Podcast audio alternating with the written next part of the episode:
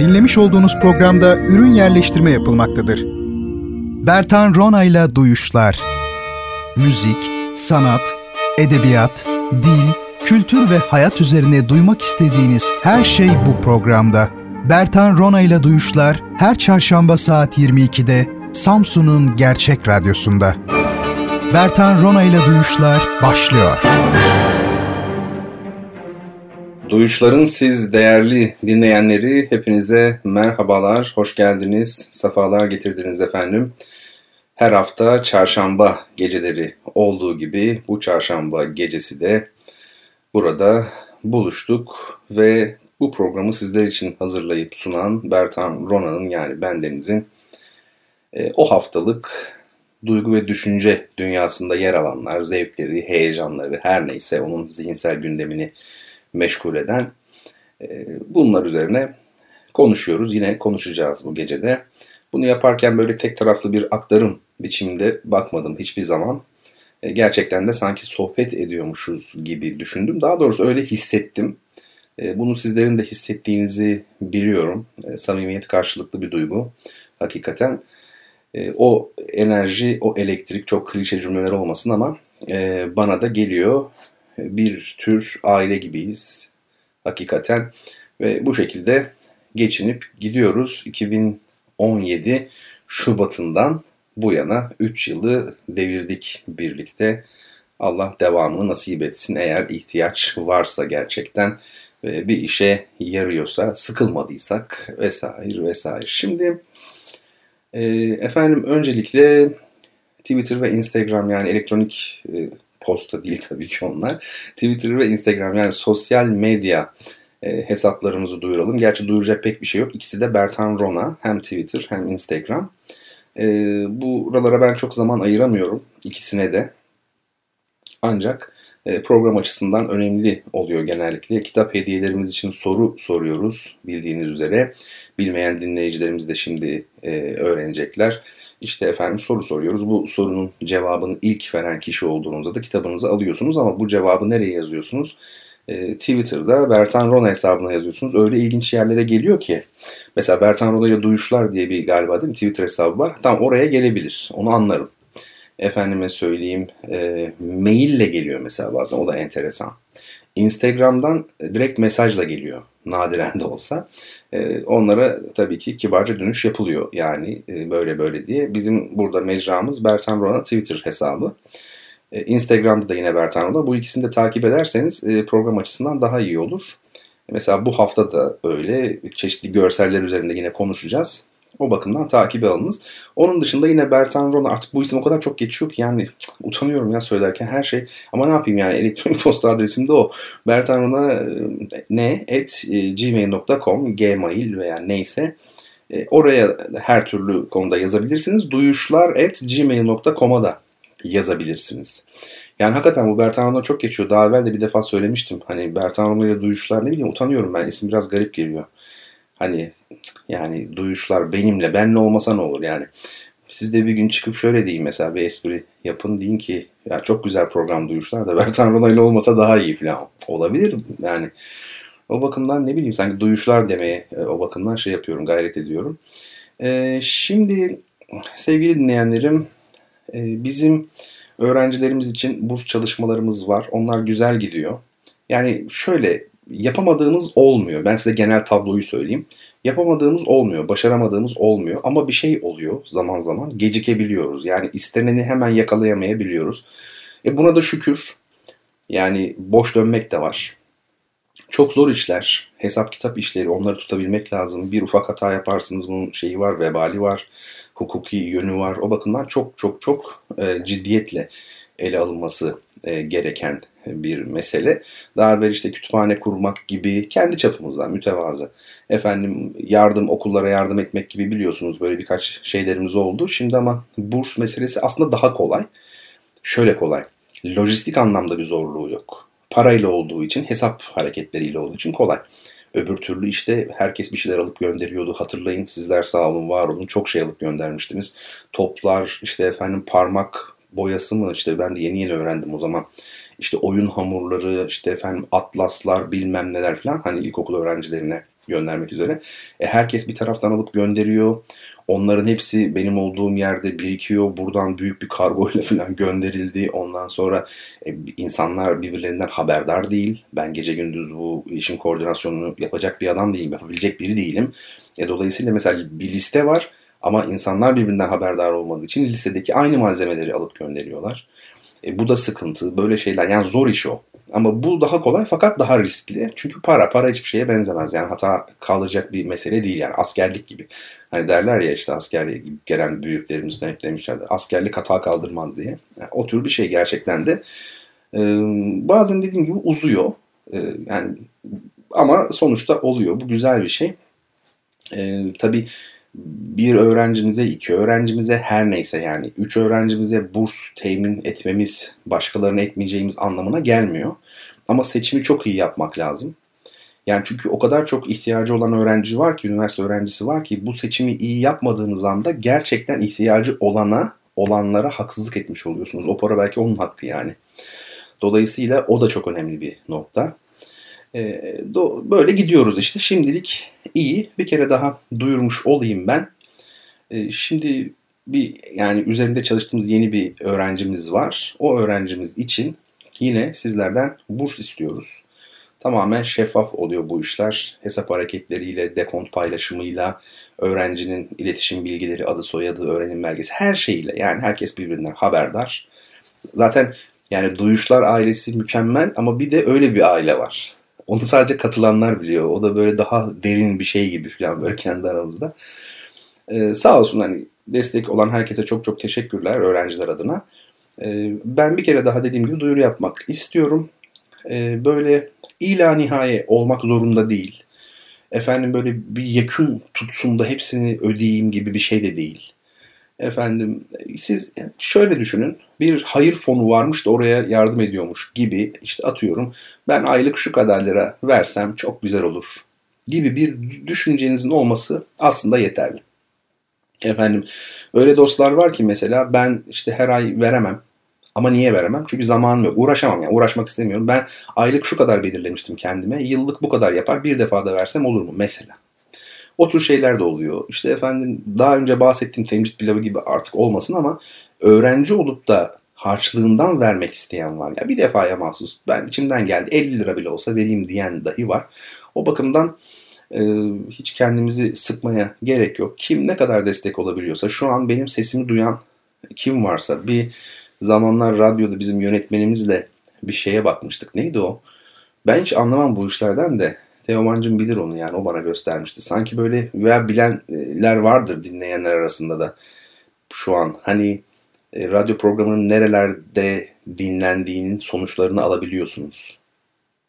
E, değil mi? Öyle bir şey var. İnternetten dinlendiği zaman mı var? Bilmiyorum. Bir şey var yani. Orada yani çok böyle ilginç hiç beklemediğim ülkelerden bile dinlendiğimi görmüştüm. E, şaşırmıştım da hatta. E, bir ara bana bir mail gelmişti. Program başlayalı da 6 ay falan bile olmuş değil yani. 2017'nin yazı. Bana bir mail gelmişti. Abi biz Malezya'dayız 3 kişi. 3 öğrenci seni dinliyoruz falan. Saatimizi kuruyoruz falan. Allah Allah demiştim. Acaba bu şaka falan mı ya? Malezya'dan beni niye dinlesinler? Ama sonradan baktım ki hani duyuşlar onda başlıyor. Onlar ne demişti? Biz 3'e mi kuruyoruz saati? Burada o zaman 3 oluyor falan gibi bir şey. Bir baktım internetten gerçekten de saat farkı o kadar. Ee, ve o kağıtta da onu görmüştüm yani. O, o bölgeden dinleyenler var. Sayı var böyle 3 yazıyor, 9 yazıyor. İşte daha fazla, çok daha fazla olan yerler var falan. Dolayısıyla bu şu an yani yaptığım anonsu, duyuruyu kimler duyuyorsa yani üç şey Laz İmam'ın dediği gibi yani üç kuruş teberruda bulunmanız lazım değil mi yani diyor. Dolayısıyla bekliyoruz efendim yardımlarınızı öğrencilerimize yardım edelim. Şimdi hediye kitaplarım var. Bu gece iki tane. Ee, bundan sonra kitap tanıtımına biraz ağırlık vereceğim arkadaşlar programda. Daha fazla sayıda kitap tanıtacağım. Ee, farklı yayın evlerinin kitaplarını tanıtacağım. Yayın evleri de tanıtılmış olacak aslında bu vesileyle tabii. Çünkü sonuçta yayın evi tanıtımı enteresan bir şey. Yani tanıtmasanız da otomatikman kendini tanıtan bir şey yayın evi. Çünkü siz kitap öneriyorsunuz veya tanıtıyorsunuz. E kitap söz konusu oldu mu onun bir görseline baksanız bile hangi yayın evi oldu çok açık görünmüş oluyor. Yani o ilginç bir şey yani durum. E, fazla sayıda, daha fazla sayıda yani e, hediye ayrı. Hediyeyi de konuşuruz. Ama e, kitap tanıtımında böyle hani bir kitap falan değil de şöyle iki kitap, üç kitap, fazla sayıda kitap tanıtayım diyorum. Bakalım. Bu önümüzdeki birkaç hafta içinde bakacağım. E, şimdi e, bu geceki ilk hediyemiz, hediye kitabımız Ten ve Is. David Le Breton. E, David ya da David ama David bu. Le Breton. Fransızlar nasıl okuyor David? David demiyor zaten de David diyor herhalde. David Le Breton falan gibi mi okuyorlar? Ten ve Is. Ee, Instagram'a yükledim bu arada. İşte Instagram'ın faydaları görüyorsunuz. Başlarken söylemiştim. Hep yeni dinleyicilere söylüyorum bunları bilmeyenlere. Bilenler biraz sabredecek artık katlanacaklar.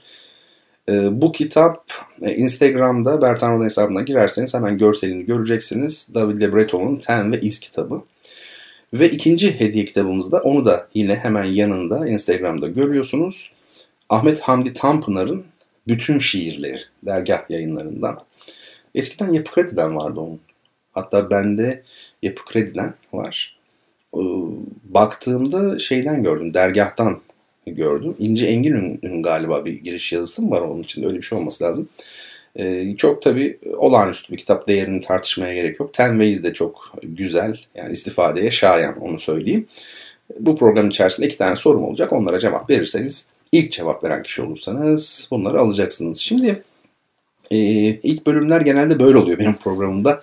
Biraz böyle açılış değil mi yani duyurular, sosyal medya hesapları, burslar, kitap tanıtma falan hediye kitap daha doğrusu onlardan bahsetme gibi oluyor. E, müziğe geçeceğim şimdi. Ondan sonra esas programımızın ana gövdesini oluşturan kısma e, gelmiş olacağız ama müziğimiz şimdi Aygız. Hani meşhur bir Azeri değil mi o? Azeri bir e, şey var, parça var. Beni attın Aygız, Aygız, Ataş'a diyor. Onu solo gitardan dinleyeceğiz. Öncesinde birkaç şey söylemek istiyorum bununla ilgili. Yine duyuşlar da ilginç. Ben kendim hani e, müzik mesleğindeyim yani bir konservatuarlıyım tipik. Yani gerçi tipik değilim de yani bu bakımdan tipik. Bir konservatuarlıyım. E, buna rağmen hiç mesela klasik müzik denilen bu çok sesli müzik var ya e, bu müzikte ya da işte çağdaş müzik diyelim, çok sesli sanat müziği diyelim, uluslararası sanat müziği diyenler var. Çok sesli Türk sanat müziği diyen bile var yani çünkü Türk bestecilerin bestelediği e, kısma diyorlar. E, şimdi Mesela hiç İdilbiret'ten atıyorum işte Gülsin Onay'dan, Suna Kan'dan, daha günümüze kadar olan daha genç, çok daha genç e, solistlerden, icracı ve yorumculardan, bestecilerden, orkestra şeflerinden hiç bahsetmedim. Yani onları tanıtmadım. O geldi aklıma. Bundan sonra yavaş yavaş tanıtayım diyorum. Şimdi bu gece için size çok ama çok güzel, özel ve tüzel e, efendim e, müzikler seçtim. Dördü de aynı albümden. E, gitar virtuozumuz, klasik gitar e, virtuozumuz e, Ahmet Kanneci'nin Anadolu Parçaları adlı bir albümü var. Bu albüm ta 1999 2000 o civar olması 98 99 2000 o dönem çıkmış bir albüm. E, o albümde Türk bestecilerinin hatırladığım kadarıyla 4 Türk bestecisinin gitar düzenlemeleri var. Biri de hocam e, rahmetli İstemeyen Tabiloğlu. E, efendim Turgay Erdener var. Ertuğ Korkmaz var ve hatırladığım Ertuğrul Bayraktar var. E, dört bestecimizin düzenlemeleri yer alıyor. Bir de Ahmet Kanneci'nin solist yani gitarı çalan Ahmet Kanneci'nin kendi düzenlediği galiba iki tane de şey var. E, türkü var. Tabi bunlar genelde böyle türkü ve ona benzer e, eserler, müzikler. O kadar hoş bir albüm ki böyle yani solo gitar. Biz de öğrenciliğimizde dinlerdik hep. Efendim. E, hatırlıyorum böyle kırmızı bir kapağı vardı. Bizim Güneş vardı ev arkadaşım e, olan Barış, violonselci Barış'ın kardeşi e, şey e, Güneş. O böyle şey demişti dinleyip dinleyip artık geceleri böyle dinliyoruz ya sürekli çalıyor evde. Abi budur ya türkü budur işte demişti. Çok enteresan. Türküleri bildiğimiz o hani özgün haliyle değil de bu düzenlemelerle daha çok sevdi. E tabii günümüz insanının, gençlerin e, ben öyle sevmiyorum. Yani ben doğal halini de çok seviyorum. Yeter ki iyi olsun. Ama e, gençler herhalde biraz çok sesli müziğe yatkın aslında siz bakmayın. Yani onun o türküleri doğal halleriyle dinlese çok da sevmeyebileceğini biliyorum. Ama bu şekilde çok sevdiğini hatırlıyorum. Güzel düzenlemeler gerçekten çok da güzel icra edilmiş. E, ben şimdi yani gitar çok ihmal edilen bir çalgı. Klasik müzikte çok ihmal edilen bir çalgı. Sesi muhteşem. Vurmalı bir etki yok çünkü mızrap gibi yani parmağınızla çekiyorsunuz. Mızrap da yok zaten de yani parmakla çekiyorsunuz. Tırnak olduğu için belki biraz mızraba yakın. Efendim Chopin şey demiş ona atfediliyor bu söz. Çok da böyle atmış olmayayım yani ama ben öyle biliyorum. E, bir gitardan güzel daha bir şey varsa o da iki gitardır demiş Chopin. Yani o kadar e, söylemiş olabilir çünkü Chopin legato çok sevdiği için hani gitarda da teknik konuşmak istemiyorum ama nasıl anlatayım başka? Darbe yok gitarda, vurmalı değil. O yüzden de gitarı çok seviyor olabilir. Tabii Türkiye'de bir klasik gitar müziği, ekolü gerçekten lazım. Son yıllarda bir hayli artıyor düzenlemeler. Bizim bestecilerimiz hem özgün yapıtlar veriyor hem türküleri düzenliyorlar. Bu tabii sevindirici. Benim çok sevdiğim bir enstrüman gitar. Gerçekten sevdiğim. Yani saatlerce dinleseniz gitar sizi yormaz. Öyle bir şey. Hiç, hiç sert değildir. Ahmet Kanneci üzerine efendim çok kısa konuşmak gerekirse yani az da olsa tanıtmak. Her zaman söylüyorum ben bu programda böyle çok derinlemesine tanıtacak durumda değilim. Hiçbir şeyi yani hiçbir konuyu. E, ama bir merak, ha böyle bir e, gitar virtuozu var. Yani müzisyenler zaten biliyor Ahmet Kanneci'yi. 30 yıldır biz kendimizi bildikleri biliriz. Ama konunun dışında olanlar olabilir. Onlara böyle bir e, zemin merak edip araştırmaları için Ahmet Kanneci sevgili dinleyenlerim 1957 yılında Halfeti'de doğmuş. Yani Urfa Halfeti'de doğmuş. E, Ankara Fen Lisesi'ni bitirdikten sonra ODTÜ'de mimarlık eğitimi alıyor aslen. Ama lise yıllarından itibaren de gitara yöneliyor. Sonra bir burs kazanıp Fransa'ya gidiyor. Perpignan Üniversitesi konservatuarını bitiriyor orada okuyor. Birincilikle bitiriyor hem de ve 25 yıl boyunca yurt dışında kariyerine devam ediyor Ahmet Kanneci. 25 sene. Efendim e, çok fazla konser veriyor. Bu konserlerde kimler yok ki? Yani Selva Erdener, Şefika Kutluer, e, Dorothy Randolph, efendim Ataol Behramoğlu, e, Jorge Cardozo ve Victor Pikazyan gibi çok ünlü isimler bunlar. E, konser çalışmaları oluyor Ahmet Kanneci'nin. E, Ahmet Kanneci 2012 yılında Antalya Muratpaşa Belediyesi'nin düzenlediği Uluslararası Gitar Festivali'ni sanat yönetmenliğinde yapıyor. E, Hacettepe Üniversitesi Ankara Devlet Konservatuvarı'nda bir de Başkent Üniversitesi o da Ankara'da biliyorsunuz. Devlet Konservatuvarı'nda gitar bölümlerini kuran kişidir Ahmet Kanneci. Ve tabi derslerine devam ediyor. Şimdi pek çok da ödülü var Ahmet Kanneci'nin. Fulbright Komisyonu tarafından verilen sanatta ömür boyu başarı ödülü. Orta Doğu Teknik Üniversitesi'nin verdiği takdir ödülü, Harran Üniversitesi ve Süleyman Demirel Üniversitesi'nin verdiği Fahri Doktora ünvanı, Hacettepe Üniversitesi Sanat Ödülü, Yıldız Teknik Üniversitesi Yılın Gitaristi ödülü ve bir de Andras Segovia Onur Madalyası. Andras Segovia klasik e, gitarın ne diyelim avatarıdır yani yaşa, e, yaşamayan ilahı öyle diyelim yani tabiri caizse bu işin başında olan kişi repertuarın her şeyin her şeyin e, Andras Segovia onur madalyasını da almış Ahmet Kanneci. Şimdi gelin onun yorumuyla Ahmet Kanneci'nin yorumuyla Aygız'ı e, dinleyelim. Düzenlemeyi yapan da yine bizzat Ahmet Kanneci. Müzik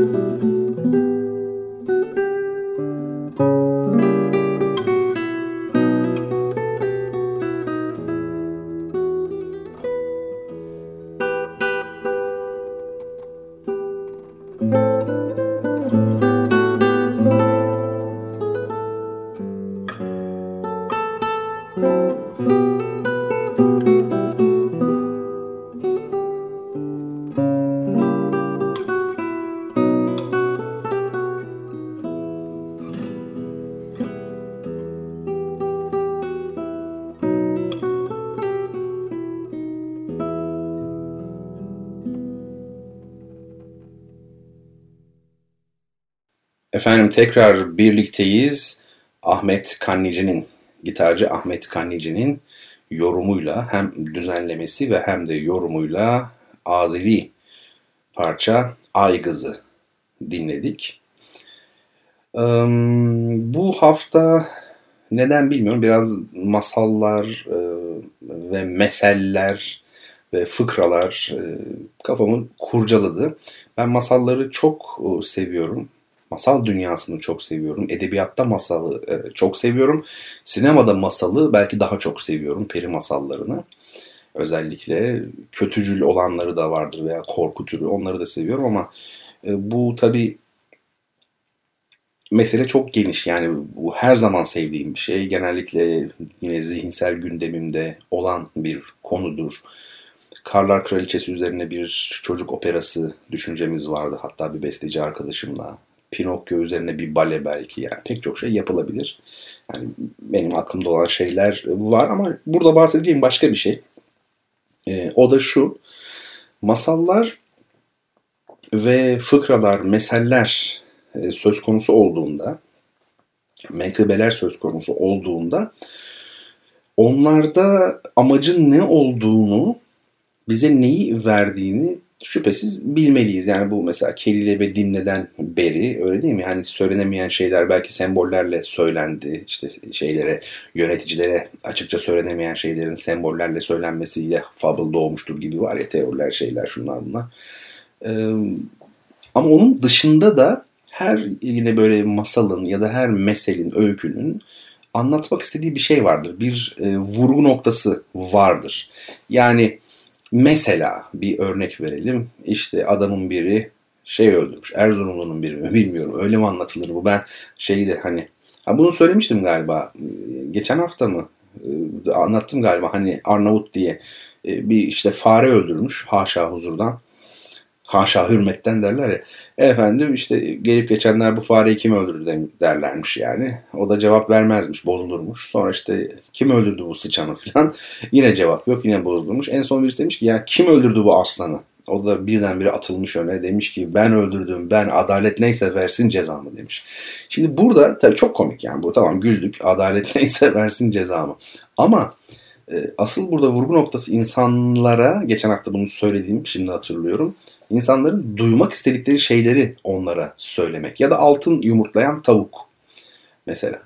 Altın yumurtlayan tavuk aslında aceleciliğin, deorganizasyonun, sabredememenin, olayın sonunu görememenin, ufku görememenin ve vizyonsuzluğun, kapalılığın bir e, eleştirisi, parodisi bir anlamda. E, yani yavaş yavaş işte tavuk yumurtluyor yani altın. Ama acaba içinde ne var bu kadar altın yumurtladığına göre? Kısa yoldan e, kazanma, fırsatçılık. Bütün bunları toplayınca aklınıza kim geliyor? Biraz biz geliyoruz değil mi sanki? Yani var öyle bir yönümüz var. Kapalı toplum insanı böyledir. Kapalı toplum derken yani mutlaka işte efendim bir bozkır insanı değil. Yani bu kültür meselesi. Dedim ya yani büyük şehirlerde yaşayan insanların zihniyeti bizde zaten bozkır zihniyeti. Mesele orada. Bakıyorsunuz adam yanında bin kişi çalıştırıyor. Büyük bir işveren. Ama öyle şeyler yapıyor ki. Mesela bir arkadaşım var işte normalde şeyde çalışıyor. Ee, normal büroda öyle bir yerde çalışıyor yani öyle düşünün. Medya ama alan o. Ondan sonra e şimdi şey oldu salgın oldu. İnsanlar evlerine çekilmek zorundalar. İlk başlarda direndiler. Kimse evine göndermeyiz çalışacaksınız burada diye. Sonra işler ciddiye binince iyice göndermek zorunda kaldılar. O süreçte şey denilmiş. E, canım evde e, çalışacak ol, olduktan sonra niye size para verelim ki? Yani burada işin sonucuna değil bulunulan ortama bakılması gibi bir durum var. Oysa ki artık günümüzde bu masa başında, bilgisayar başında iş yapanların çoğunun iş yerinde bulunması bile bence gereksiz. Önemli olan senin o kişiden maksimum verimi elde etmen. O sana verebiliyorsa bunu. Yani sana şunu söylüyorsa, kardeşim dilediğin zaman bana ulaşabileceksin ve ben huzurlu olduğumda, kendi evimde olduğumda veya işte küçük bir bilgisayar dışarıda olduğumda çok daha iyi çalışabilirim. Sonuç e, önemlidir. Sen benim üreteceğim sonuca bak yani benim sana vereceğime bak. İşte mesele bu aslında. Fakat e, yok ben sana para veriyorum. Verdiği para da 3-5 kuruş tabii. Ondan sonra evde çalışacaksan ne anlamı var ki falan. Ya sen orada oturduğu için mi para veriyorsun? O zaman çalışmasın gelsin senin iş yerinde çekirdek alın bir kilo. Ayçiçeği alın. Çitleyin yani eğer yani mesele onun çalışması. Ee, bu söylediğim o kadar kolay bir şey değil biliyorum ama ben mesela öyle insanlar tanıdım ki başka insanlar tanıdım ki onların işverenleri inanılmazdı. Mesela son model bir işte Macintosh bilgisayar küçük böyle Air mı diyorlar var ya öyle en böyle şık ve yani portatif çok hafif. Bunlardan alıp paraya kıyıp elemanına e, ona verip ondan sonra da iş yerine gelme zorunluluğun yok. Evden çalış, efendim seyahatini yap, alt, altına araba falan. Bana ama sonuç üret. İstediğim şeyi ver bana. Mesele bu. Dolayısıyla o kapalılık yani olayın sonucunu görememe dedim ya bir de sabredememe dedim. Bakın dikkat edin. Şimdi mesela uçaklar iniyor böyle. Bizde şöyle bir şakır şukur şakur şukur uçağın ayakları yani tekerlekleri yere değdiği anda inanılmaz böyle bir kemerlerin çözüldüğünü görüyoruz. Veya sıra beklerken falan bizim milletimiz inanılmaz sabırsızdır. Şimdi aslında sabır da bana öyle geliyor ki e, sanayi devrimiyle biraz ilgili bir şey. Hani bu Japonlar e, deprem oldu Allah muhafaza işte onlar böyle inanılmaz sıraya girmiş diye böyle yani müthiş organize hareketler. Çünkü organizasyon olayın ardını düşünmek demektir. Tedbir nedir? Mesela bak Osmanlı padişahı diyor ya tedbir nedir paşa? Hani söyle diyor yani böyle bir durum oldu tedbir nedir? Tedbir derken o e, bizim bugün anladığımız anlamdaki tedbiri demiyor sadece. Tedbir kelimesi olayın arkasını görmek demektir. Dübür kelimesiyle akrabadır. Başa T koyun bakın. DBR tedbir. Yani olayın ardını, arkasını görmek. Bu önemli. Bunu yapabildiğinizde o zaman organize de olursunuz, sab- sabır da gösterirsiniz, gösterebilirsiniz. Çünkü biliyorsunuz arkasını. Ama onu hiç düşünmüyorsanız, çok lokal düşünüyorsanız, dağların arasında kalmış böyle öyle değil mi? Hani deniz kültüründen uzak bunu hep sıklıkla söylüyorum. Hani şu konudaki eleştirimi de bir kere daha hatırlatayım. Hani bu Abdülhamit'i anlamak, her şeyi anlamak olacak. Necip Fazıl Kısaküre'nin sözüdür bu. Artık bunu o kadar duyduk ki ben de diyorum ki işte Atlas Okyanusu'nu anlamak her şeyi anlamak olacaktır. Yani ya hiç ekonomik sahipler yok muydu Osmanlı'nın yıkılmasında veya dünyadaki diğer devletlerin yıkılmasında? Tarih sadece düşüncelerle mi yapılır? Yani hiçbir üretim, maddi üretimin efendim e, reel koşulların hiçbir varlığı yok mu? Hiç mi yok yani? Mesela Osmanlı'nın vergi sistemi, göç sorunları sakın bunlar yıkmış olmasın efendime söyleyeyim şeyi Osmanlı'yı. Sakın Atlas Okyanusu'na kıyısının olmaması, içeride kalması. Bakın dikkat edin hep İngiltere, Portekiz, İspanya, sonra Amerika Birleşik Devletleri bunlar hep Atlas Okyanusu'na kıyısı olan ülkeler. Bunları hiç düşünmeyecek miyiz? Her şey e, düşünce, soy, ayakları yere basmayan düşünceler onlarda. Nereden geldi belli değil. E, olmaz. Hani fiziksiz e, metafizik meselesi bu işte. Yani fizik olmadan metafizik olmaz. Bu dünyayla barışık olacaksın önce. Sen bu dünyayı bilmiyorsun. E, yıldızları anlamaya kalkıyorsun. Olmaz. Olamamış zaten işte sonuç ortada. Ne yazık ki. Efendime söyleyeyim. Şimdi bir de tabii şu var ona geleyim. Şeylerde e, masallarda anlatım çok önemli. Çünkü unutmayın masallar sözlü dünyanın ürünleri. Biz her ne kadar bugün onları kitaptan okuyor isek de karşımıza yazılı kültür ürünü olarak çıkıyorlarsa da aslında o bir e, yaşlı tarafından, bir ihtiyar tarafından, dede, babaanne, anneanne, e, onlar tarafından okunan kış gecelerinde böyle değil mi? Ne güzel gaz lambası ışığında akşam saat 7-8 böyle ama zaten 8'de herkes yatar köyde. Öyle bir ortamda duvara böyle gölgeler aksederken anlatılan bir şeydir. Ne güzeldir sözlü kültür. Muhayyileyi çalıştırır çünkü hayali sürekli. Hayal edeceğimiz hiçbir şey kalmadı artık. Neyi kaybettiğimizi bilmiyoruz. Bilmediğimiz için de acısını duymuyoruz. Ama mesela bir 3 ay bir köy evinde yaşasaydınız akşamlar orada sohbet ne demektir? Ya başlangıçta niye söz vardı kutsal kitapların dediği gibi? Bunu anlardık yani hep beraber. Şimdi orada da tabii sözlü bir olguyla karşı karşıya olduğumuz için anlatımın da çok iyi olması lazım. Şimdi ben e, ilginç bir şey yani çevir de çok önemli onu demek istiyorum bu şeyde. İlginç bir deneme yapalım şimdi. Dedemin, rahmetli dedemin bana anlattığı bir masal vardı. Bana anlattığı çok masal vardı. Yani ben onun anlattığı masallarla büyüdüm. Çok güzel masallar bilirdi. Bir kısmını yazdım bir kenarlara. Bir kısmını o zaman kaset vardı. Kaydetmiştim. O kaseti şimdi bulamıyorum. Yani hepsini hatırlamak isterim gerçekten. O kadar güzeldi ki onun öyküleri ve onlar yok olup gidecek. O hatıralar sadece masallar da değil. O, o anılar öyle bir şey ki bir Doğu Anadolu, İran'a dönük bir atmosfer vardı her zaman anlattıklarında. Ee, yani tabii bu da çok normal. Biz Malatyalıyız. Dedem e, Malatyalı. O bölgenin insanı olarak onun anlattıklarında böyle hep kadim doğuyu ama nasıl bir şey biliyor musunuz? Böyle masalsı bir diyar. Eski çağlar yani zamansız bir e, bir mitolojik bir dönem gibi. E, hep soyut figürler insanlar. Bunu size anlatamam. Yani çok acayip. Ömer Kavur filmlerinin bir başıyı gibi yani başka versiyon. Ömer Kavur üzerine de konuşalım ya. Bu aralar birkaç Ömer Kavur filmi izledim tekrar. Yani zaten ezbere bildiğim filmler de yani inanılır gibi değil. Gerçekten çok çok çok iyi. Ee, yani şimdi mesela dedemin bana anlattığı masallardan birini anlatayım size.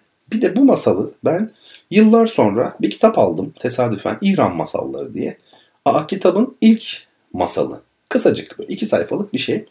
Oradan bir okudum. Ya gülsem mi ağlasam mı? Benim masal yani şimdi birazdan size dedemin anlattığı şekliyle anlatacağım masal. Çok kısa. Çok kısa yani. 40 saniye 50 saniyede en fazla bir dakikada bitecek bir masal.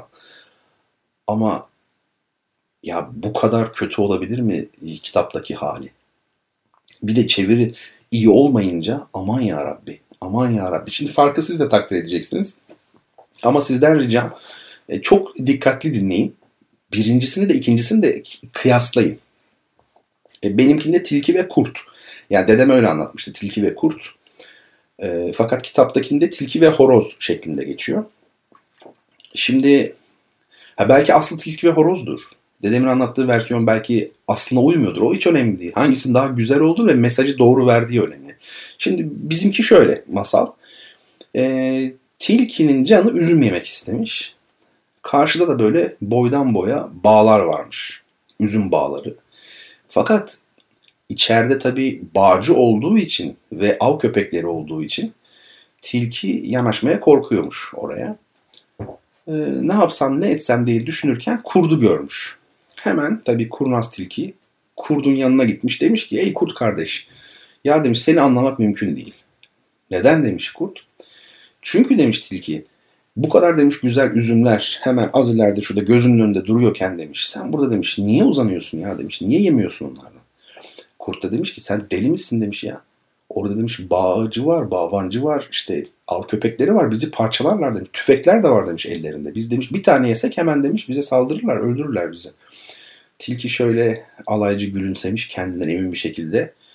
Bak demiş küçük böyle bir ağaç kabuğu gibi bir yerden bulduğu bir şeyi göstermiş kurda. Kurt sormuş bu ne? Tilki demiş ki bu demiş padişahtan ferman. Ben demiş padişahtan ferman aldım demiş. Ülkenin her yerinde dilediğimce demiş üzüm yiyebilirim. Hiç kimse bana karışamaz demiş. Ve demiş hani sen istersen seni de götüreyim demiş. Gel beraber yiyelim filan. Bu fırsat bir daha ele geçmez senin için demiş. Tabii kurt şaşırmış. Büyük piyango yani. Hemen hadi demiş o zaman gidip yiyelim. Beraber gitmişler, başlamışlar yemeğe. Tabii kurt çok mutlu, hapur hapur götürüyor. Tilki ise tedirgin. Yiyor ama sürekli içeriği gözlüyor. Bir saldırı olacak mı falan diye. Derken birdenbire bir bağırtı, çağırtı kopmuş.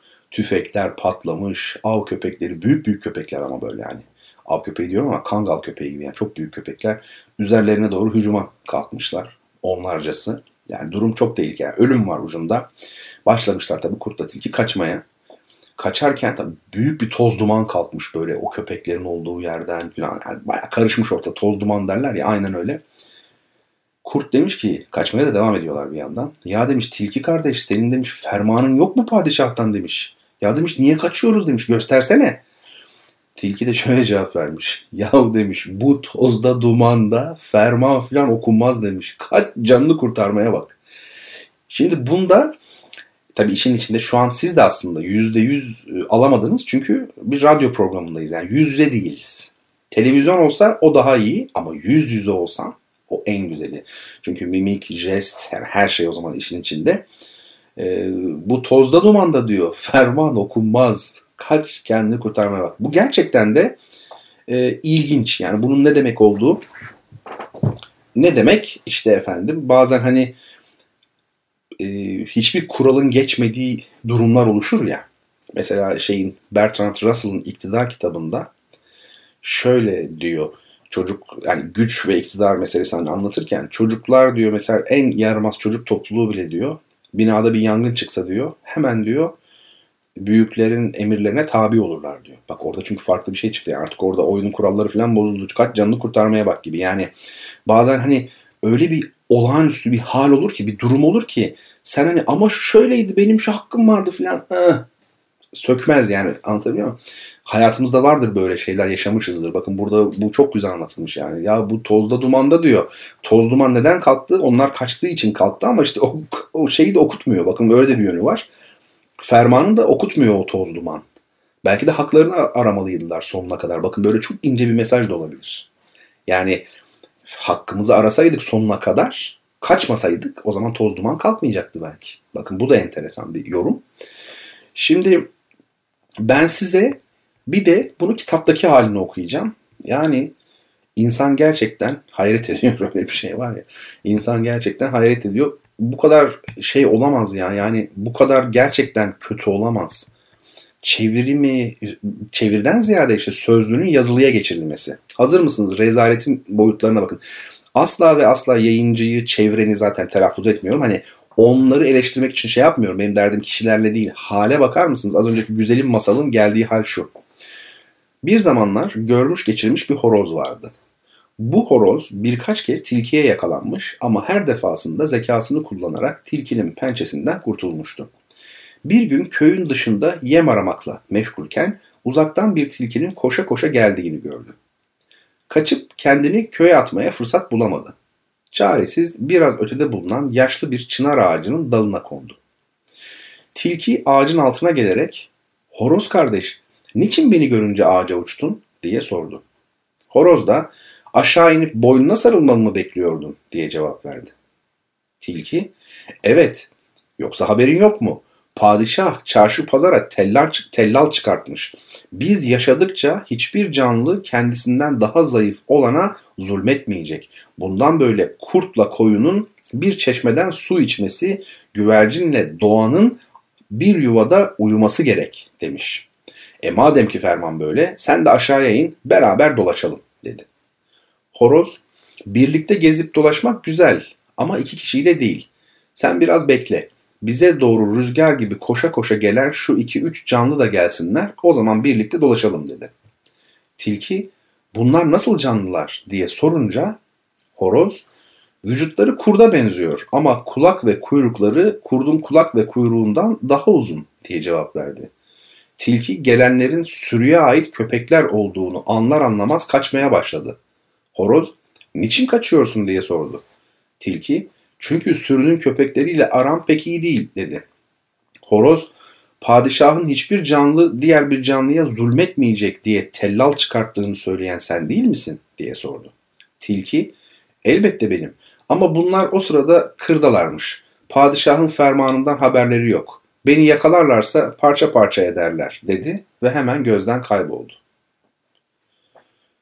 Yani dostlar ben mi abartıyorum bilmiyorum ama bunların diyor o zaman haberi yokmuş fermandan diyor. Hani beni şey yapabilirler filan. Bana çok şey geldi ya yani bu böyle olmaz. Yani çeviride kayıp olmuş. Yani kayıplar olmuş ciddi anlamda. Artı bir de hani sözlü olmayınca yazılı yani çok kötü. Bu neymiş? Subhi mühtedi. 1897'de Kaşan'da doğmuş. 8 Kasım 1960'da Tahran'da ölmüş. Hikayeci ve İran radyolarında çocuklar için ilk kez masal programları yapan kişi. İşte bu masal mesela demek ki bu eski bir masal. Bakın dedemin anlattığı başka bir versiyon. Bu demek ki o taraflarda anlatılan bir e, masal. Size önemli bir şey söyleyeyim. Çok önemli. E, şimdi Fırat Nehri'nin adı Öfrates eskiden. Aslında Perat yani P-R-T. P-R-T. Bu ne biliyor musunuz? Fıtrat diyorsunuz ya. Bana kalırsa o kelime köken olarak. Çünkü yarılmayı ifade ediyor. Fıtrat da öyledir. Bir şeyin çiçeğin mesela pıtırcık diyorsunuz ya pıtır. Ee, onun içinden yarılarak çıkmasını ifade ediyor. Fıtrat yani bir, bir genetik bir yapı gibi yani iç demek. iç bir şeyin içi gibi. Ve yarılarak çıkma var. Şimdi e, Fırat Nehri bak, baktığınız zaman tarihte öyle bir o coğrafyayı yarmış ki yani başka yani çok az nehir böyle yarabilmiş. Ne demek bu? Fırat'ın doğusuyla batısı mesela şimdi Türkiye'de siyasal tartışmalar kapsamında her zaman mevzu bahis ediliyor son 20-30 yıldır özellikle. E, yaşı müsait olanlar bilirler. E, Fırat'ın doğusu yok, Fırat'ın batısı, Kürt meselesi, işte terör falan bir sürü konu konuşuluyor. Ama aslında bırakın hani son 30 yılı, Cumhuriyeti falan geçin, Osmanlı'yı geçin. Tarih boyunca yani e, Alparslan şeye geldiğinde, Roma ile Doğu Roma ile e, savaşmaya geldiğinde Malazgirt'te o zamanlarda bile hatta daha öncesinde bile Fırat Nehri'nin doğusuyla batısında farklı diller konuşulmuş. Yani iki ayrı dünya gibi o nehir bölmüş gerçekten de Fırat ve o bakımdan köken olarak e, oradan e, geliyor olabileceğine dair e, benim kanaatim var ama bu kanaatle olmaz tabii ki mutlaka çalışmak lazım üzerine incelemek lazım. Ama bence o kökten okudum onu söyleyeyim. Yani kanaat dediğim böyle Aa, ona benziyor falan değil. Tabii ki okudum kaynak. Böyle o çok ama başka görüş de var. Hani bir şey yapmak lazım, mukayese etmek lazım.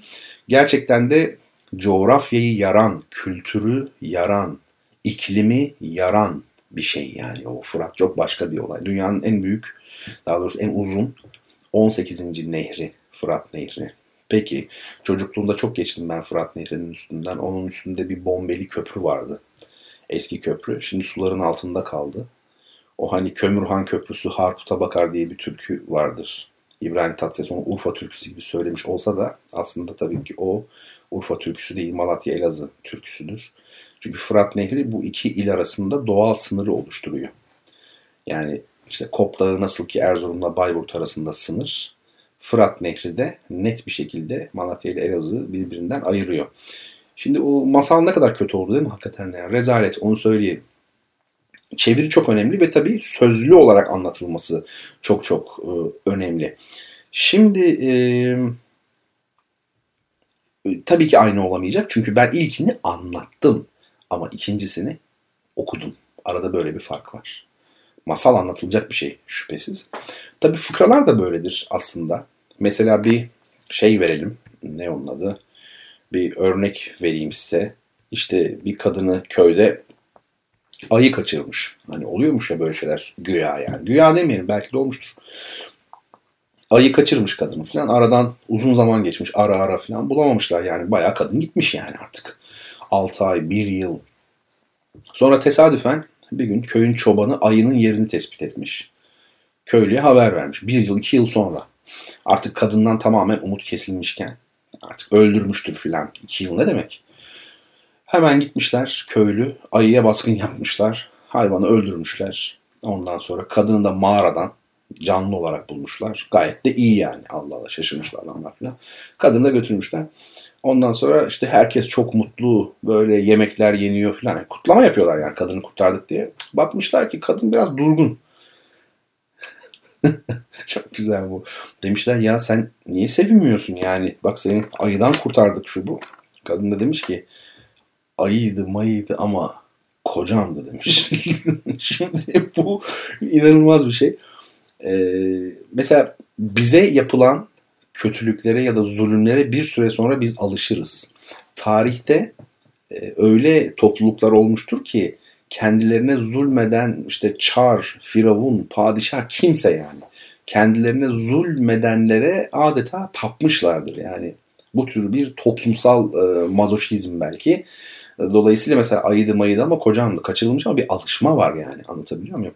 Bir de güç meselesi var. Ast yani bir süre sonra o gücü sevme. Güç size zarar verse de sevme gelişmiş oluyor. Ee, bakın fıkraların hepsi böyle bir şey var. Onu anlamak lazım gerçekten. Ee, mesela şey babası oğlan gelmiş babaya baba para buldum demiş. E nerede demiş adam? Kaybettim demiş. Bu da çok güzel değil mi? Baba para buldum diyor. Nerede oğlum diyor. Kaybettim diyor. Hani para nerede diyor. Kaybettim diyor. Yani bulmuş ama kaybetmiş. Hani bazen de böyle çalışkan olmayan veya başarıya imza atmayan evlatlar olur ya babaları sürekli kızar falan. Ee, bunlar çok tatlı hayatın lezzetleri. Hayat bunlarla güzel ya. Bunları kaybettik. Yani ağızla, sözle olacak her şey aslında öyle olması gerekir. O yüzden bu tür şeyler anlatan böyle çok hoş sohbet, sohbet insanlar vardır ya harika. Ya da mesela Bektaşi fıkraları vardır. Bayılırım onlara. Bektaşi'ye sormuşlar. Ya abdestsiz namaz olur mu demişler. Cevap çok güzel. Ben kıldım oldu demiş. Şimdi az önce kıldım demiş. Ha, oradan geliyorum oldu demiş kıldım. Şimdi biz bunu böyle hani nasıl anlatayım gülerek insanlar şey yapıyor ama altta çok ince bir mesaj var orada. Yani mesele kılmaksa o hareketleri yapmaksa olur. Abdestsiz de olur. Tabii. Yani yap o hareketleri yap. Abdest de alma o hareketleri yap. Oysa namaz işte ben kıldım oldu. Kastedilen şey namazın o olmadığı. Namaz tabii ki abdestsiz olmaz. Ama namaz ruhani bir şeydir. Daha derindir o hareketleri çok aşan bir şeydir. Orada o da var. İşte üstelik Bektaşi fıkrasında var bu. Dolayısıyla kazmak lazım. Daha derine, daha derine bir arkeolog gibi. Ve bu işler hakikaten kolay işler değil. Kazdığınız zaman ya düşünür oluyorsunuz ya da e, sanatçı oluyorsunuz bilmiyorum. Yani rejisör, sinema yönetmeni falan oluyorsunuz. İşte Ömer Kavur gibi filmler çekiyorsunuz. Yani çok tavsiye edilecek bir hayat mı onu da bilmiyorum yani. Herkes düşünsün. Ama işin tabii biraz tabii esprisi bu. Ben tabii ki herkese bunları, bu konuları biz insanız. Bunları düşünün öneriyorum yani tabii ki. E ne yapacağız? İyi düşünelim de yok bunları yapmayalım. Ne yapalım yani? Şey mi olalım? Lumpen mi olalım sokaklarda filan? Yani benim bir arkadaşım vardı. Bir de kız arkadaşı vardı. Aynı evde kalıyorlardı. Yıllar evvel. Ee, mesela ben çok iyi hatırlıyorum. Cumartesi, pazar günleri alışveriş merkezlerine gidip ama böyle koçtaş tipi yerlere gidip orada hiçbir şey almadan çünkü hiç paraları yoktu ama hiç ama hiçbir şey almadan sadece o onlara bakıyorlardı. O bile bizi tatmin ediyor falan diyorlardı. Düşünüyor musunuz? Hale bakın yani. Gelinen noktaya bakın. Bu arada böyle hani evlerenin de yeni bir ev düzelim ihtiyacımız var türü falan da değil. Öyle bir düşünceleri de yok yani. Sadece gidiyorlar oraya mesela. Orada şey mesela diyeyim alet çantası var ona, ona bakıyorlar falan. Orada çiçekler var. Tablo satılıyor. Hani var ya o tip şeyler. E, satan mağazalar. Yani böyle böyle işte olmayalım yani biz ne olalım? Masalları düşünelim efendim işte bu anlattıklarımı falan düşünelim. Neyse sonu masalın sonu gibi ben de kötü bitirdim ama hani okuduğum masal anlattığım değil. Okuduğum masal kötü bitti ya. Peki şimdi size bir kitap tanıtacağım. Bu da e, bu hediye kitap değil. Tanıtıyorum okumanız için. E, Instagram'da yine bulabilirsiniz. Instagram'da fotoğraf olarak bulunmaktadır efendim. Kitabın adı İnsan Sonrası. Rosie Braidotti yazan. Şimdi ben size e, kitabın arka kapağındaki yazıyı e, okumaya çalışacağım. Böylelikle kitabı keşke arka tarafını da Instagram'a koysaydım değil mi? İyi olurdu. Şöyle diyor. Tüm gezegenimizin sürdürülebilirliğini büyük ölçüde etkileyen günümüz piyasa ekonomisi sadece öteki türlerin değil, yaşayan her şeyin kontrolünden ve metalaştırılmasından kar sağlayan, insanla diğer türler, tohumlar, bitkiler, hayvanlar ve bakteriler arasındaki kategorik ayrımları bulanıklaştıran bir melezleştirme süreci olarak ortaya çıkmaktadır. İnsan sonrası kuramı, insanın sahnesi olarak bilinen biyogenetik çağda insanın evrende bütün bir yaşamı etkileme gücüne sahip jeolojik bir kuvvet haline geldiği bu tarihi anda insan için temel olarak referansın ne olduğunu yeniden düşünmemize yardımcı üretken bir araçtır. Ayrıca evrensel ölçekte hem insan hem insan olmayan faillerle etkileşimimizin temel ilkelerini yeniden düşünmemize de yardımcı olacaktır. Yaşamsal materyalizmin bir kolu olan insan sonrası kuramı, insan merkezciliğin kibrine ve insanın aşkın bir kategori olarak istisna addedilmesine karşı çıkar. Bunun yerine Zoe'nin veya insan olmayan vasıflarıyla yaşamın üretken ve içkin kuvvetiyle ittifak içerisindedir. Bu da eleştirel düşünmeyi bir yana bırakalım, düşünmenin bile ne anlama geldiğine dair ortak anlayışımızın değişmesini gerektirir. Braidotti'nin bu çalışması gelecekte çağımızın asıl felsefi sorununun ne olduğu tartışılırken temel bir kaynak sayılacak. Bunları söyleyen Paul Gilroy, King's College, London, Londra King's Kraliyet Koleji'nden Paul Gilroy ve tabii bu son cümle çok iddialı. Bakın ne diyor. Braidotti'nin bu çalışması gelecekte çağımızın asıl felsefi sorununun ne olduğu tartışılırken temel bir kaynak sayılacak diyor. İlginç. Ve bu defa da Harvard Üniversitesi'nden Peter Gallison'un e, daha kısa, çok daha kısa bir tespiti, kitapla ilgili tespiti var. Şöyle demiş. Hümanizm ve hümanizm sonrası meselesi feminist felsefeden edebiyat kuramına ve sömürgecilik sonrası araştırmalara kadar pek çok şekilde ele alınmıştır. Rosie Braidotti'nin bu son çalışması önümüzde uzanan zor kararların bir kısmı için bizlere aklı selim bir uyarıda bulunurken feminizm, teknobilimlerin iç yapısı ve politik akımların zaman zaman çatışmalar da doğurarak nasıl kesiştiklerini gösteriyor. Evet, kolektif kitaptan çıkmış bu güzel kitap. Kolektif şey kolektif kitabın çok çok güzel kitapları var. Yani tavsiye ederim size. Gerçekten güzel. Onları da alabilirsiniz. Yani şöyle bir bakın mesela internetten. Hepsi çok güzel. Birbirinden güzel. Gerçekten. Bu da benim kitaplığımdaki kitaplardan biri. Ben bugüne kadar hep kitaplığımdaki kitaplardan size önerdim. Şunu da söyleyeyim. Yani benim yaptıklarım aslında bir öneri gibi de değil. Yani ben okumadığım kitapları da sizinle paylaşmak istiyorum.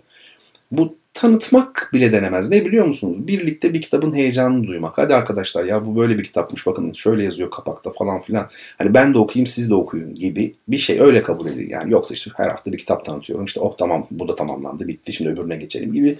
E, böyle hani programın formatı belli, şu belli, bu belli. İşte başından sav savdım bunu da gibi değil yani. Beraber o heyecanı duyalım, okuyalım. Birbirimize hediye edelim, kitap gönderelim mesela. Hepsi olabilecek şeyler. Evet, çok sevgili dinleyenlerim. Şimdi programımızın ikinci bölümünü, e, bu gecenin ikinci kısmını yani e, bitirmek üzereyiz. E, bir müzik arası vereceğiz yani. Ama ben size kitap hediyeli ilk sorumu sormak istiyorum artık. Neymiş ilk kitabımız? Ten ve Is. Ee, Instagram'dan bakabilirsiniz. Hala orada mı, gitmedi mi diye. David Le Breton'un Ten ve İz kitabı. E, bu kitabı e, almak için şimdi soracağım soruya Twitter üzerinden başka hiç böyle bulaşmadan hiçbir yere Twitter üzerinden doğrudan mention yazarak cevap veren ilk kişi olmanız lazım. Yani ilk cevabı vermeniz lazım. Ee, soru şöyle.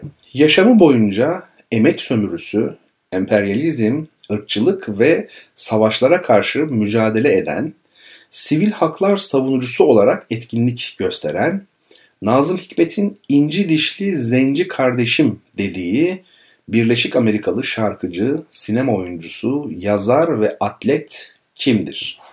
Maşallah. Yani şarkıcı, sinema oyuncusu, yazar hadi diyeyim tam üç oldu. Atlet bir de yani. Ama zenci deyince değil mi yani onlar sporda çok iyi çünkü. Ee, olabilir yani. Evet şimdi siz bu sorunun cevabını düşünürken ama aynı zamanda tabii müziğimizi de dinleyin. O müzik nedir? Yine aynı albümden gitarla benim çok sevdiğim bir düzenleme bu. Ertuğ Korkmaz hocamızın düzenlediği Bülbülüm.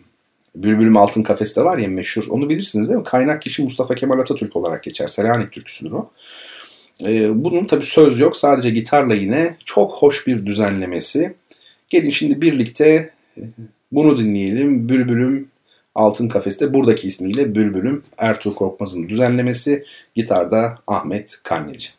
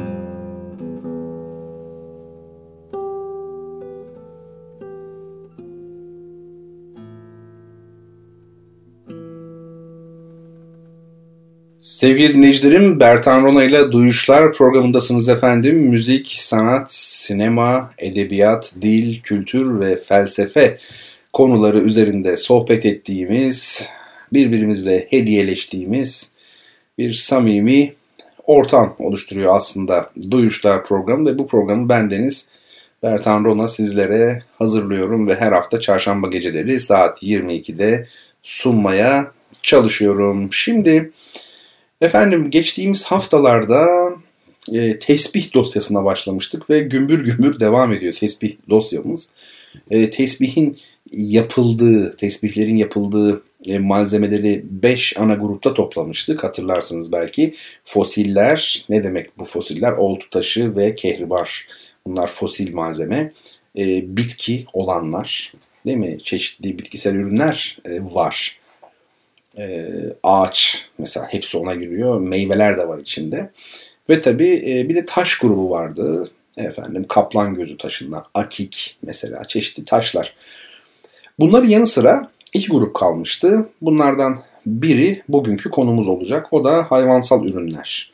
Yani koç boynuzu, işte efendim deve kemiği falan gibi konular. Bu konuları konuşacağız, görsellerle inceleyeceğiz.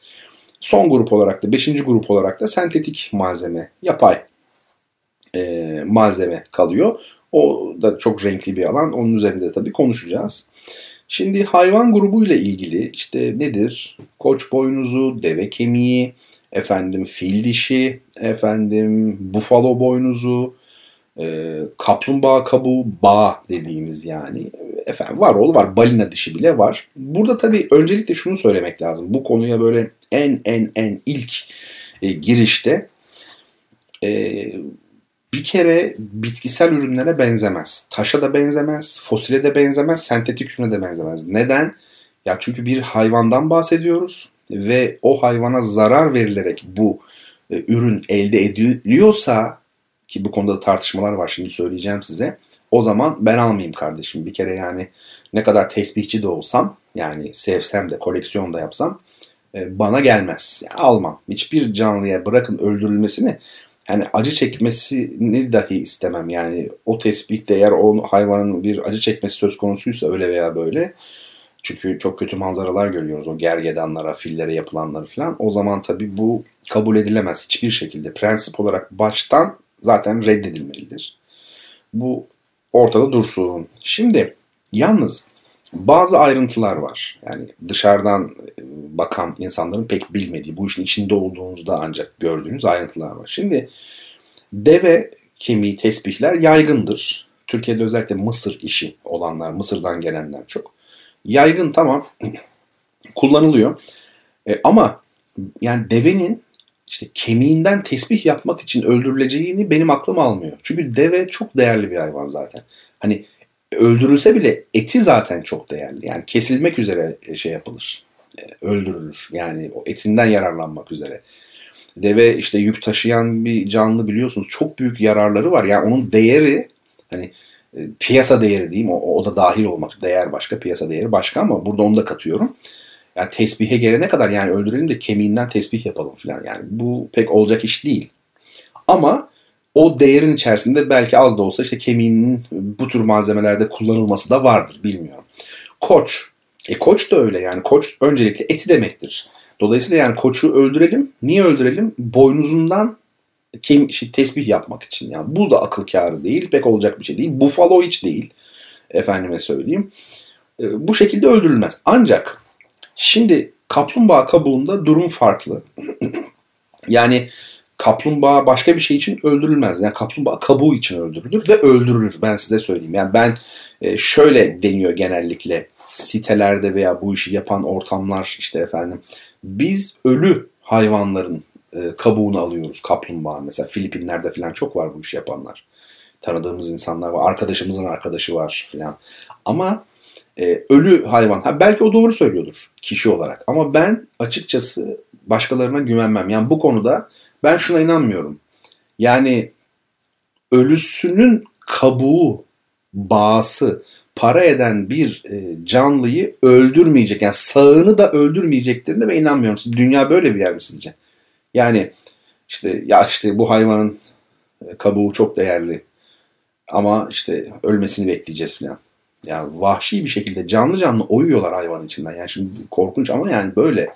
O yüzden e, ben buna inanmıyorum. Yani kaplumbağalar işte efendim ölüleri tercih ediyor. Belki o şekilde ölmüşlerden de yapan çok az sayıda vardır bilmiyorum ama genel olarak ben buna inanmıyorum. E, kapitalizm nedir biliyorum çünkü. O bakımdan e, kaplumbağa kabuğu böyle değil. Ama mesela deve, koç, bufalo boynuzu falan filan. Ha şimdi bir de şöyle şeyler var mesela. Mamut dişi var. Şaka yapmıyorum. Yani fil dişi ayrı ondan bile değerli olan, çok daha değerli olan mamut dişi var. Yani nesil tükenmiş bir hayvanın dişi. Bu eğer bir işte atıyorum müzede bulunması gerekirken alınmamışsa o zaman tamam sıkıntı yok. Çünkü hayvan zaten nesil tükenmiş bir canlı. Hiçbir mamutu öldürmüyoruz bunun için. Bunda sıkıntı yok. Bir müzede duracağı halde oradan da almış değiliz diyelim. O zaman tamam. Mamut dişinden bakın e, olabilir.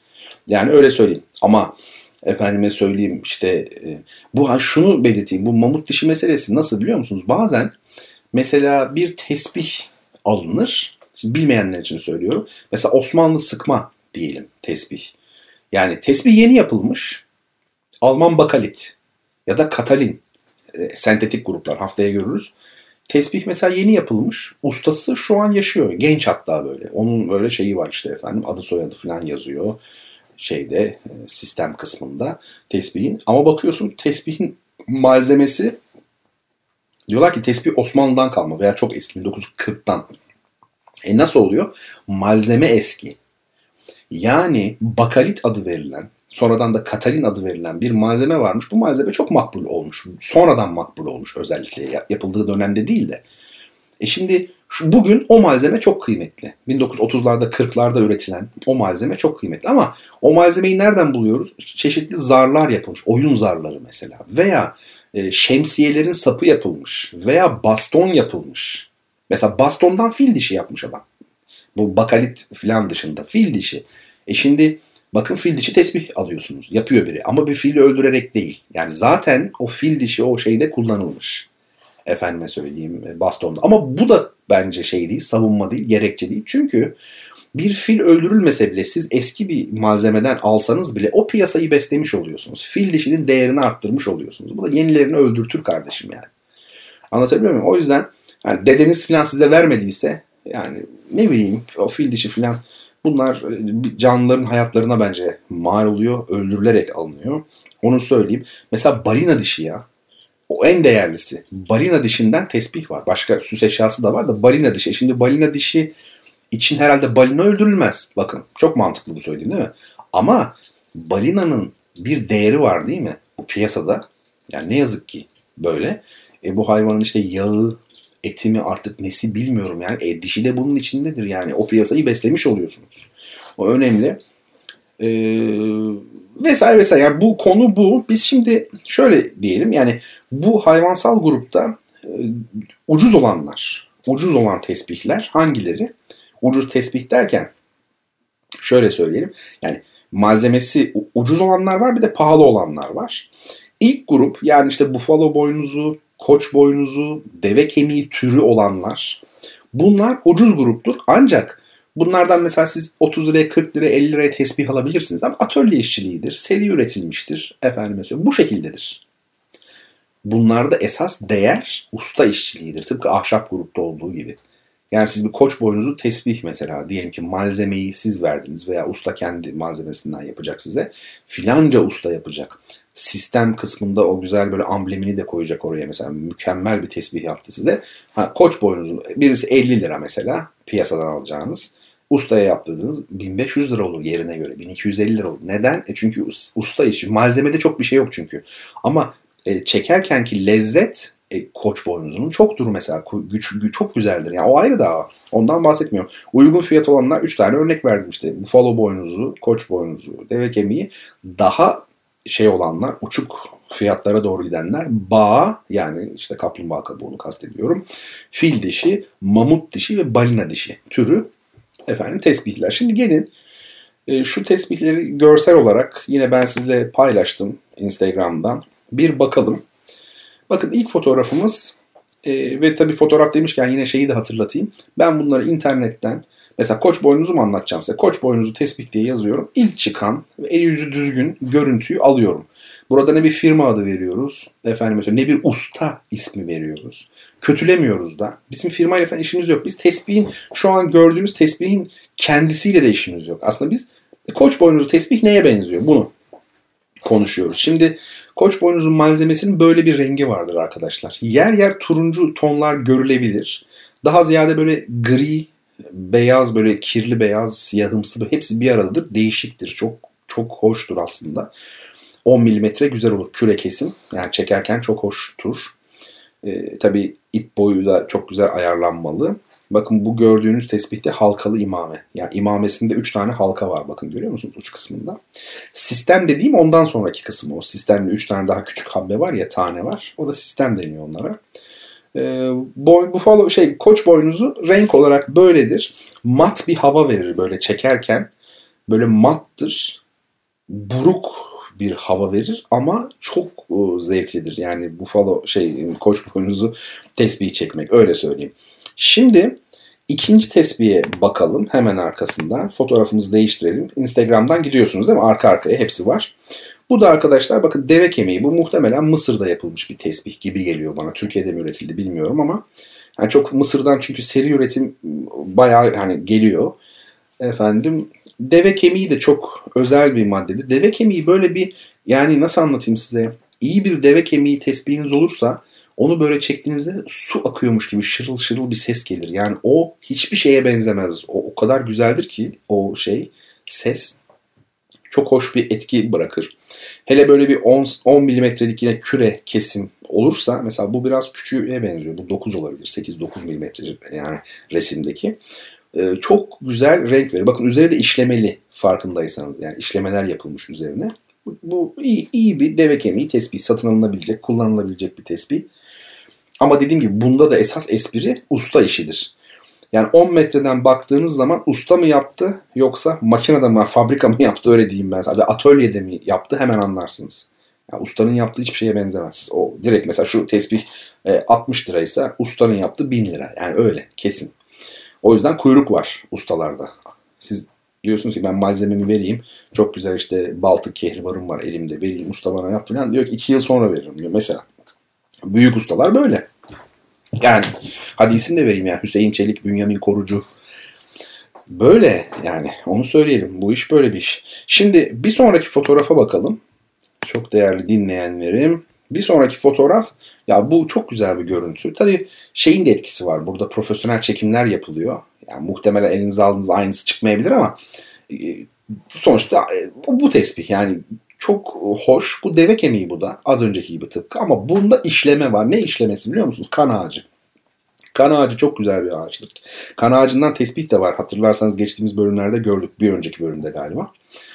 Ee, burada kan ağacından işleme yapılmış deve kemiğine. Mesela bu tespih şıkır şıkır ses yapar. Böyle su su su gibidir yani. Başka şöyle bir bakalım. Ve 8 milimetre bu. Belli yani 8 milimetre oldu. Küre kesim. Bir sonraki evet işte bu benim özellikle çok sevdiğim bir e, tesbih malzemesi. Buffalo boynuzu. Ee, arkadaşlar bu buffalo boynuzu siz fotoğrafta böyle göründüğüne bakmayın. Bu çok büyük kesim muhtemelen. Yanına bakın para koymuşlar ki siz büyüklüğünü anlayın diye. Yani bu çok büyük kesim. Hani baya böyle hani dergahta falan hani vardır ya böyle tasavvuf ehli çeker çok büyük büyük kocaman. Yani çok aşırı olmasa da bu ne bileyim 20'ye yakın bu e, bence. Fotoğrafta küçük görünüyor ama. Bakın büyük olduğunu özellikle nereden anlıyoruz? Sistem kısmına bakın. Yani imameden sonra devam ediyor. En uç kısma gidiyor böyle. Orada 3 tane küçük habbe var. Bakın o 3 tane küçük habbe tane tesbihin kendi habbeleri yanında ne kadar küçük kalmış. Değil mi? Dolayısıyla bu tesbih büyük yani 18'lik 20'lik var. Ee, şimdi bu buffalo boynuzu çok enteresan bir malzemedir ama çok. Bakın ben size söyleyeyim anlatayım. Ve çok da uygundur fiyatı onu size söyleyeyim. Yani herkes bir tane alsın derim yani Buffalo boynuzu. Çok şaka yapmıyorum çok güzel yani. Şöyle şöyle bir belli bir mesafeden baktığınızda veya ilk defa tanıyorsanız malzemeyi bilmiyorsanız size böyle siyah görünür. Sonra siyah diye zaman geçirirsiniz onunla. Birkaç gün, üç gün, beş gün, dört gün zaman. Sonra yakından baktığınız Allah Allah bu tespih siyah değil miydi dersiniz. Bakarsınız ki böyle çok ilginç gri, yer yer beyaza çalan, kahverengiye çalan böyle lekeler şunlar bunlar ama çok parlak olduğunu görürsünüz. Siz mat görmüştünüz dışarıdan. Dışarıdan siyah ve mat. Yani homojen, tek renk, koyu böyle siyah ve mat.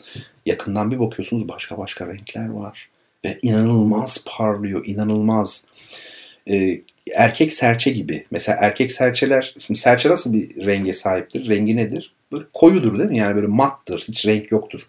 Hiç yakından baktınız mı erkek erkek serçelere ama? Yakından bir bakın. Tabii biz erkek diş diye ayırt edemeyiz. O ayrı da hani şeyden e, incelediğimiz kaynaklarda yazanı söylüyorum. Şöyle bir bakıyorsun rengarenk aslında serçenin böyle sarımtırak falan şeyleri de var.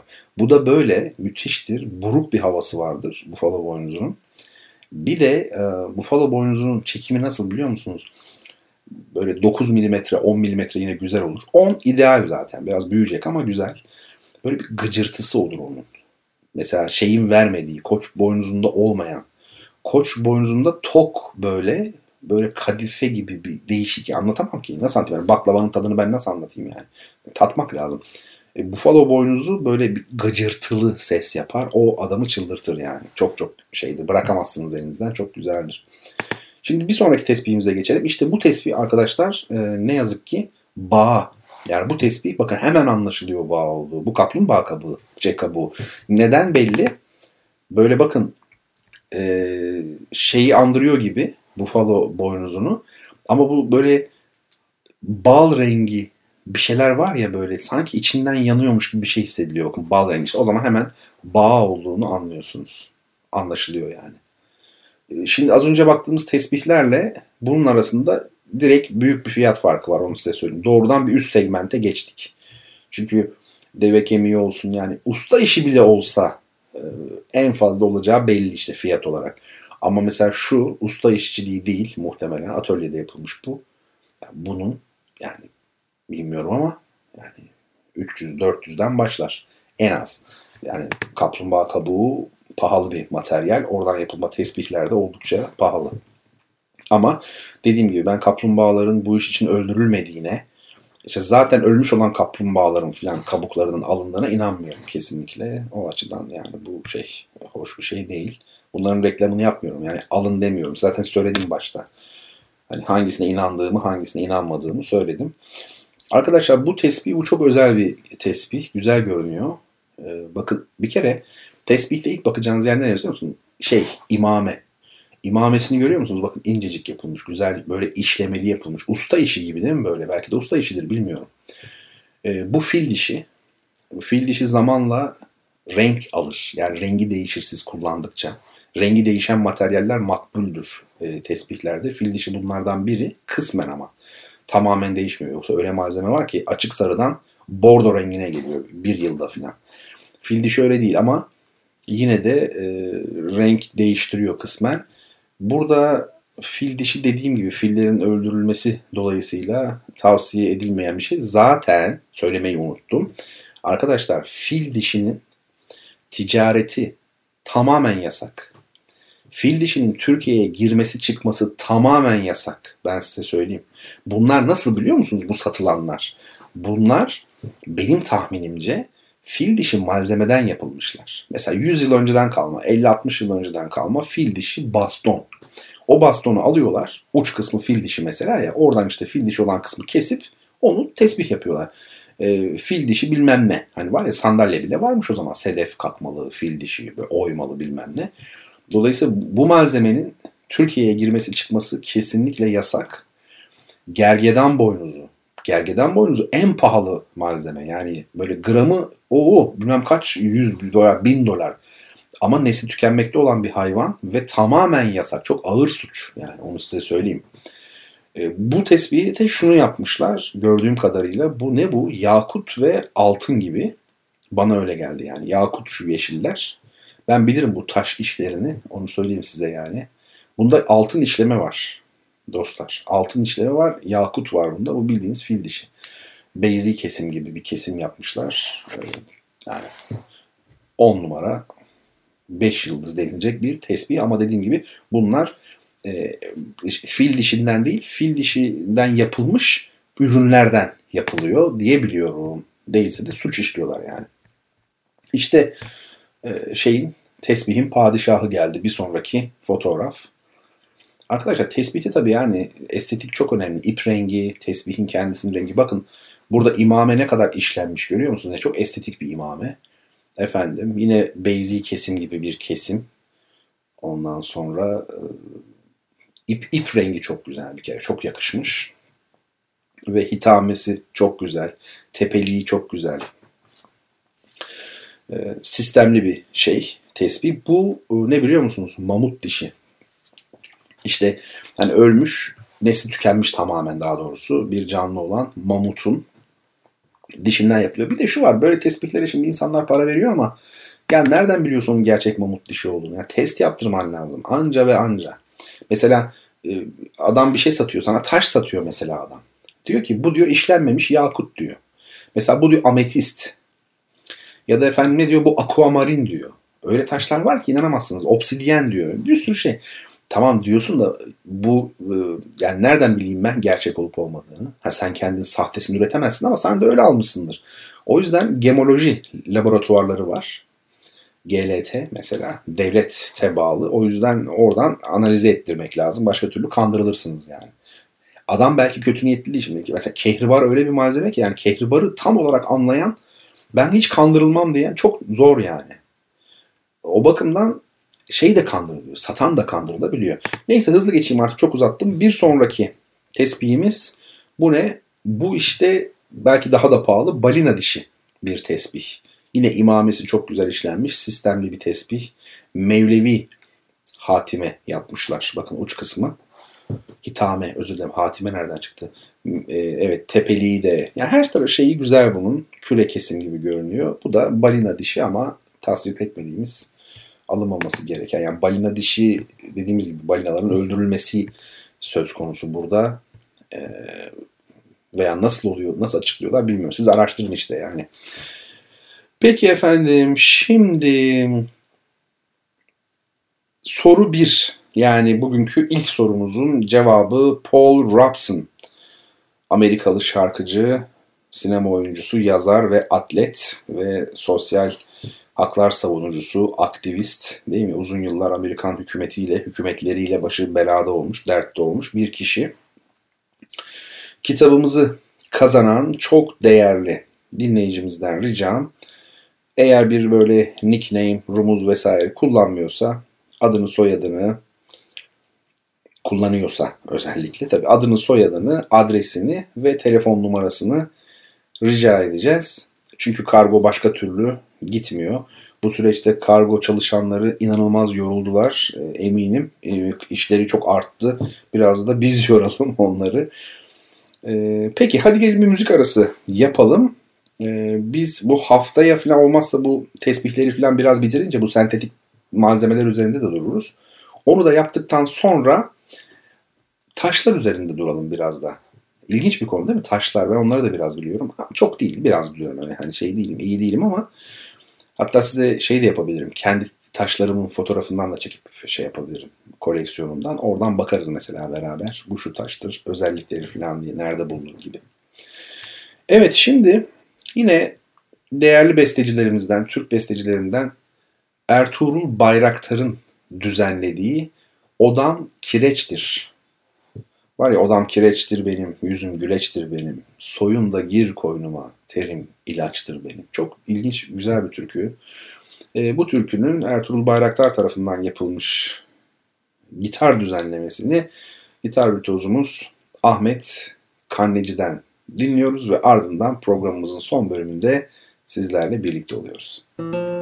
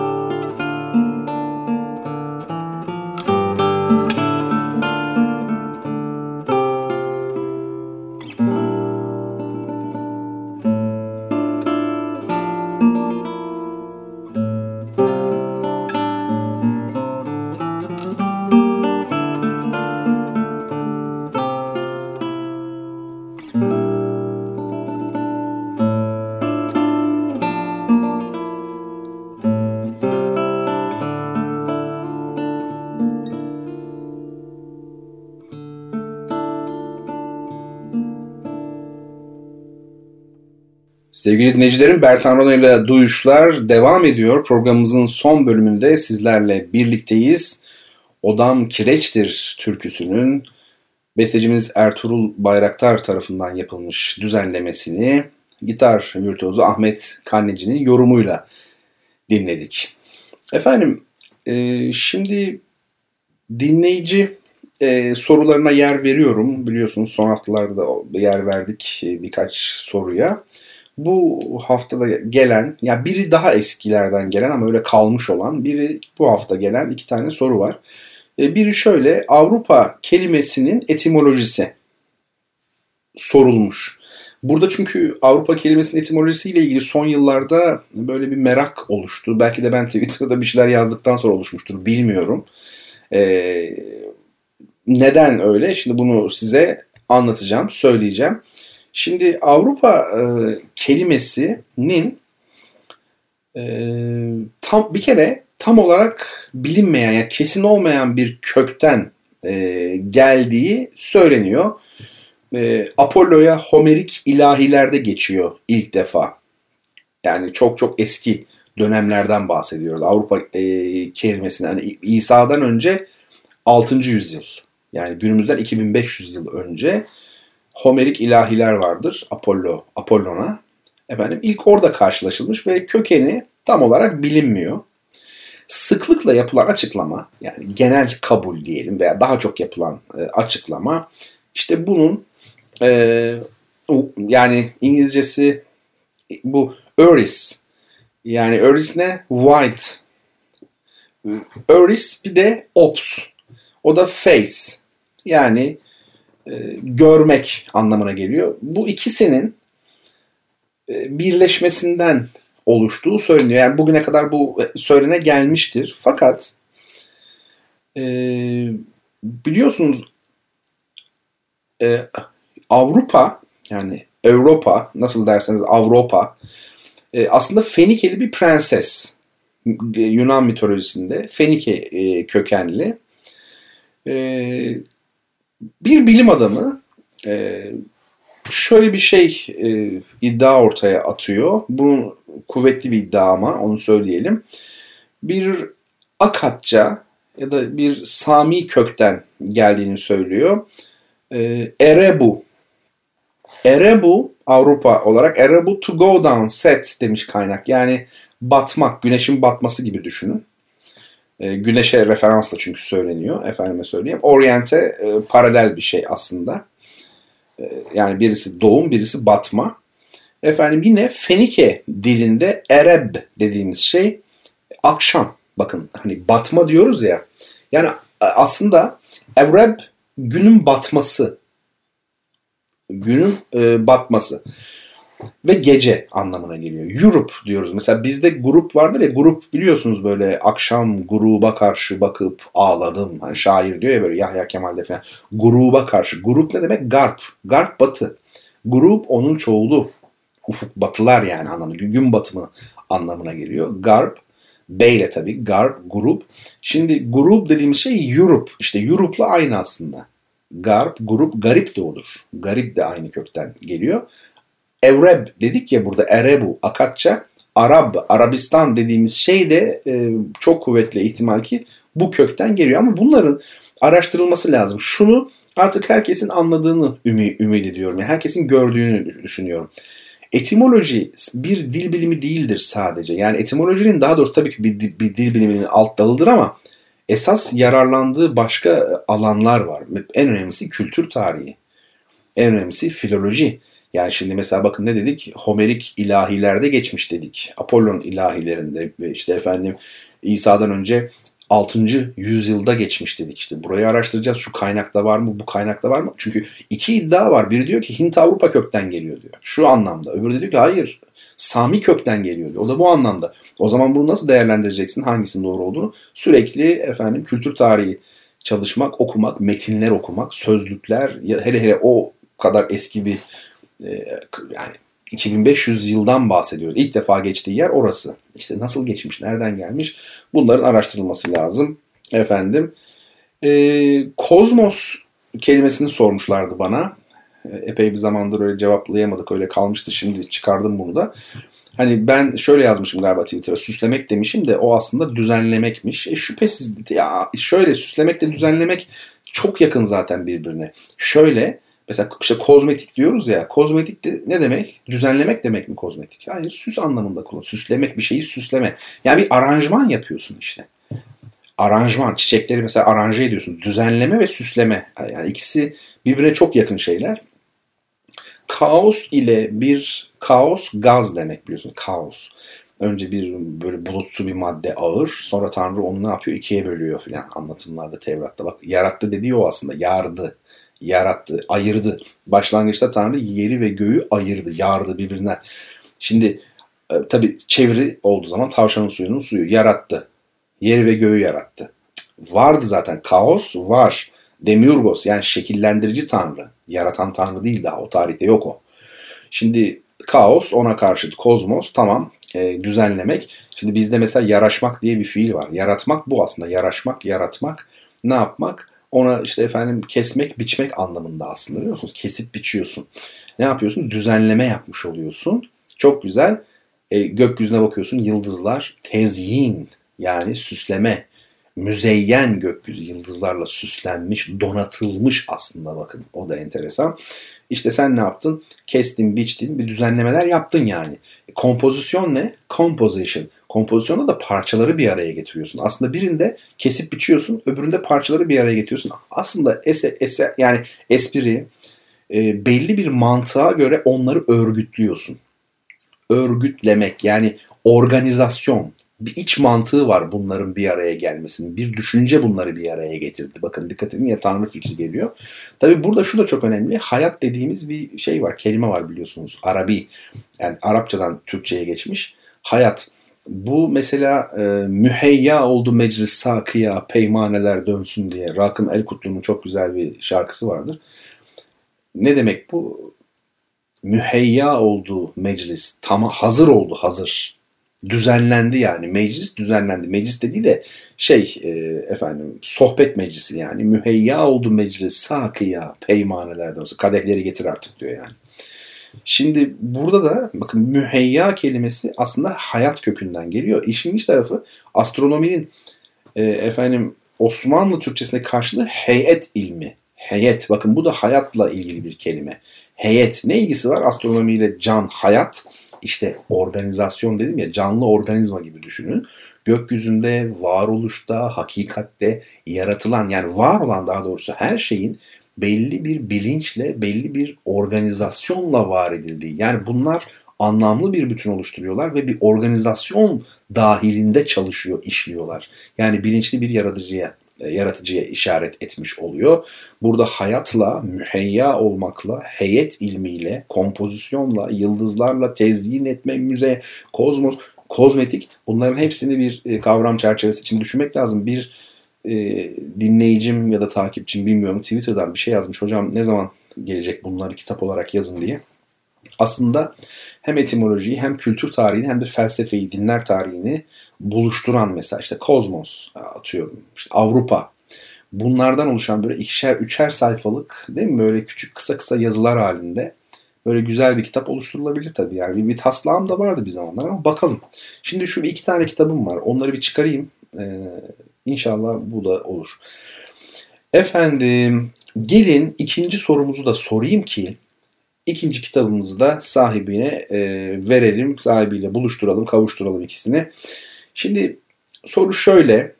Instagram'da resmini görmekte olduğunuz tabii birdenbire hocam bir dakika biz Instagram'da değiliz diyorsunuz. Bekleriz o zaman. Instagram'a ben bir fotoğraf daha yükledim bu arada. Böyle bir dere veya nehir işte efendim bir yerden dökülüyor böyle bir küçük şelale oluşturmuş. Çağlayan.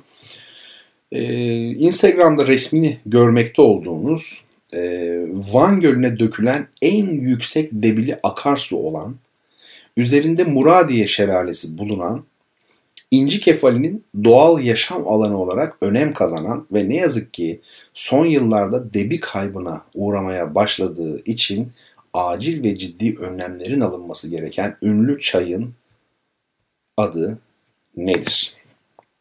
Yani burada demek ki Muradiye şelalesiymiş bu. Van e, ilimizde Van Gölü'ne dökülen bir akarsu. Şu gördüğünüz nehir aslında işte yani çay. O, o bir küçük çağlayan yapıyor ama bu gördüğünüz bir çay Van Gölü'ne dökülüyor ve İnci Kefali'nin doğal yaşam alanı Van Gölü'ne dökülen en yüksek debili akarsu. Ancak ne yazık ki son yıllarda debi kaybına uğruyor. Kurumaya doğru Allah korusun. Yani burada önlem alınması gerekiyor. Mutlaka e, tabii orada hidroelektrik santralleri de var diye biliyorum bir şey yapmak lazım yani e, çok e, ciddi hareket etmek lazım, önlem almak lazım. Evet üzücü tabii ki. Evet bu cevabı bekliyorum sizden. E, bu gece size Anadolu parçaları albümünü dinlettim. Öğrenciliğimizde böyle dinlediğimizi, ev arkadaşımın, kardeşimin söylediklerini, ne güzel düzenlemeler, türküler böyle daha güzel dediğini söylemiştim. Ee, benim yakın bir arkadaşım da Ahmet Kanneci'nin öğrencisiydi. O da hocasından bahsederdi zaman zaman. Ee, sevgili Nilgün. Ee, ona da buradan selamlar olsun. En son Edirne'de konservatuvardaydı. Şimdi nerede bilmiyorum. Bir görüşmek de lazım. Kopmamak gerekiyor. Ve gitarın ifade gücü çok yüksek bir çalgı olduğunda söylemek lazım. Yani gitar gerçekten ifade gücü çok yüksek, çok karakterli bir çalgı türkülerimize de uyar. Akdenizli bir çalgı, sıcak bir çalgı, ses rengi muhteşem. Kendi kendine eşlik edebiliyor. Yürüyen piyano. Bizim bir hoca öyle derdi. Yürüyen piyano.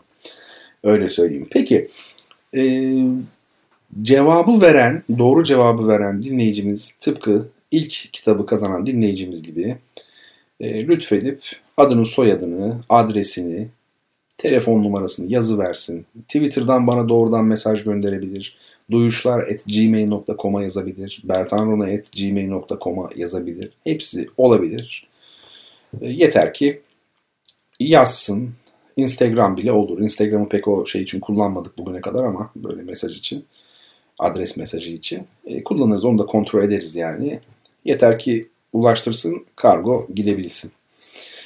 E, şeyde duyuşlarda Bundan böyle ara ara Türk bestecilere ve icracılara da yer vereyim e, diyorum. Size söz ettim. Hatta ses kaydı da aslında ben istesem gönderirler, beni kırmazlar biliyorum. Gerçi bir de şu var, bu şunu yapalım, bunu yapalım deyip de unuttuğum çok şey oluyor. Sonradan hatırlıyorum çoğunu, bazısını da hiç hatırlamıyorum. Ama yapabildiğimiz kadarıyla olsun yani. Duyuşlar böyle kusurlu ve gerçek olması beni çok mutlu ediyor. Yani du- duyuşlar mesela şey hatırladım. Biz müzik tarihi anlatacaktım ben size en başından başlayıp günümüze kadar. Ne oldu? Tamamen unutmuşum ben onu kalmış. İşte yani kusurlu. Gerçek olan kusurludur. Gerçek dediğimiz şey kusursuz değildir yani. O yüzden duyuşların da böyle aman her şey falan şu bu böyle adı belli, zamanı belli, tanımı belli falan. Hiç en çok ondan korkuyor. Ödüm kopuyor ödüm. Böyle iddiayı. Peki şimdi sorunun cevabı bu hani çay var ya dökülen, Van Gölü'ne dökülen en yüksek debili akarsu olan. Ya ismi de ayrı güzel yani. Bendimahi. Bendimahi çayı. Şu ismin güzelliğine bakar mısınız? Bendimahi. Bendimahi çayı inşallah Bendimahi çayında kurutmayı başar yani kurutmayı başarmayız yani inşallah. Koruruz, kurtarabiliriz. Kurtarmak yani kendimizden kurtaracağız. Çünkü biz o hale getiriyoruz. Yoksa kendi kendine kuracağı yok çayın. Durum bu. Bendimahi çayını da söylemiş olduk. Ve kapanış parçamız Ahmet Kanneci'nin hem düzenleyip hem de seslendirdiği Hora adlı e, ve bu bizim musiki folklorumuzun çok bilinen, sevilen öğelerinden olan bir parça. Şimdi siz güzelce Hora'yı dinleyin. Kazananlar bizden kitaplarını beklesin. Ama şöyle bir şey oluyor onu da söyleyeyim. Şimdi ben kitap yurduyla çalışıyorum. Yani kitap yurdundan e, şey yapıyoruz. E, yıllardır da çok fazla kitap alındığı için böyle indirimlerimiz de oluyor falan. Gayet güzel tamam. Ancak e, bazı sıkıntılar da olmuyor değil. Mesela şöyle diyor. Bir kitap var. Bakıyorum her yerde var. Kitap yurduna gidiyorum mesela. Şey diyor geçici olarak temin edilemiyor diyor. Satış yok diyor. Halbuki yani var kitap ben biliyorum bulunan bir kitap. Ha, üç gün sonra geliyor ama o an bulamıyorsun. Bir de şöyle bir şey var. Diyor ki mesela e, tahmini olarak temin etme süresi yazar mesela her kitapta 3 gün diyor mesela. Şimdi bugünkü kitaplar bu iki kitap yanlış hatırlamıyorsam 3 gündü. Temin etme süresi. Yani ben bu gece sipariş etsem bile cumartesi günü ancak onlar temin edecek de kargoya verecek de pazartesi yola çıkacak. Siz ne anlayacaksınız? Ee, bir haftadan evvel zaten ulaşmıyor. Bazen 10 günü buluyor falan ama bugüne kadar hiç e, maşallah diyeyim ulaşmadığı olmadı. Hiçbir dinleyicimize bu anlamda borçlu kalmadık. Ha şu oldu ama çok değil 3-4 defa en fazla 4 yoktur belki 3. İşte hocam kitap gelmedi diye mesela bir karışıklık olmuş bir şey olmuş. Yani öylesi durumlarda zaten yazın mutlaka hiç sıkıntı değil ama o da yani binde bir yani hiç olmuyor neredeyse. O bakımdan endişelenmeyiniz. Adres çok önemli yalnız. Telefon numarası olmadan da gitmiyor. Ad soyad Mobile güven gerisini merak etmesen diye bir şey vardı. Reklam vardı çok eskiden. İnşallah gerisini de hallederiz. Evet sevgili dostlar sizlerle birlikte olmak gerçekten güzeldi. İnşallah haftaya birlikte olacağız. Geçmiş zaman olur ki diye bir programım vardı benim böyle. Popüler bilim ama o kadar böyle şey ki acayip ki. Nasıl acayip biliyor musunuz? Popüler bilim diye madem anlatıyorsun programı birkaç kitap kitaptan oku yani internetten ne bulursam falan böyle. O kadar şey ki yani hiçbir bilimsel tarafı yok. Ciddiyeti yok yani. Ama şöyle bir şey. Onun bir amacı var o program. O popüler bir program. Tarih programı. Ben Türkiye'de çocukların çok meraksız büyüdüğünü gördüm hep. Yani ecnebilerle kıyasladığımızda hele hele Amerikalılarla falan kıyasladığımızda çok meraksız, dünyayı tanımayan işte kapalı toplum diyorum ya ben hep. Yani ben kimseyi küçümsemek için söylemiyorum. Ben bir şeyi ısrarla söylüyorsam bir sebebi vardır. Bildiğim bir şey var. Kapalı toplum yani şimdi yavaş yavaş aşılıyor ama yine çok gerideyiz. Dünyayı merak etme, dünyaya açılma. Mesela ortalama bir Amerikalı çok daha meraklıdır. Yani atıyorum Türkiye'ye gelse şu bitkinin adı ne, bu çiçeğin adı ne? Çünkü bizim kendi ülkemizi tanıdığımızdan çok adamlar dünyayı tanıyor. Emperyalist ülke çünkü. İngiltere de öyle. Ee, özellikle bu doğa bilimleri dediğimiz bilimler yani emperyalizmle iç içe gelişmiştir.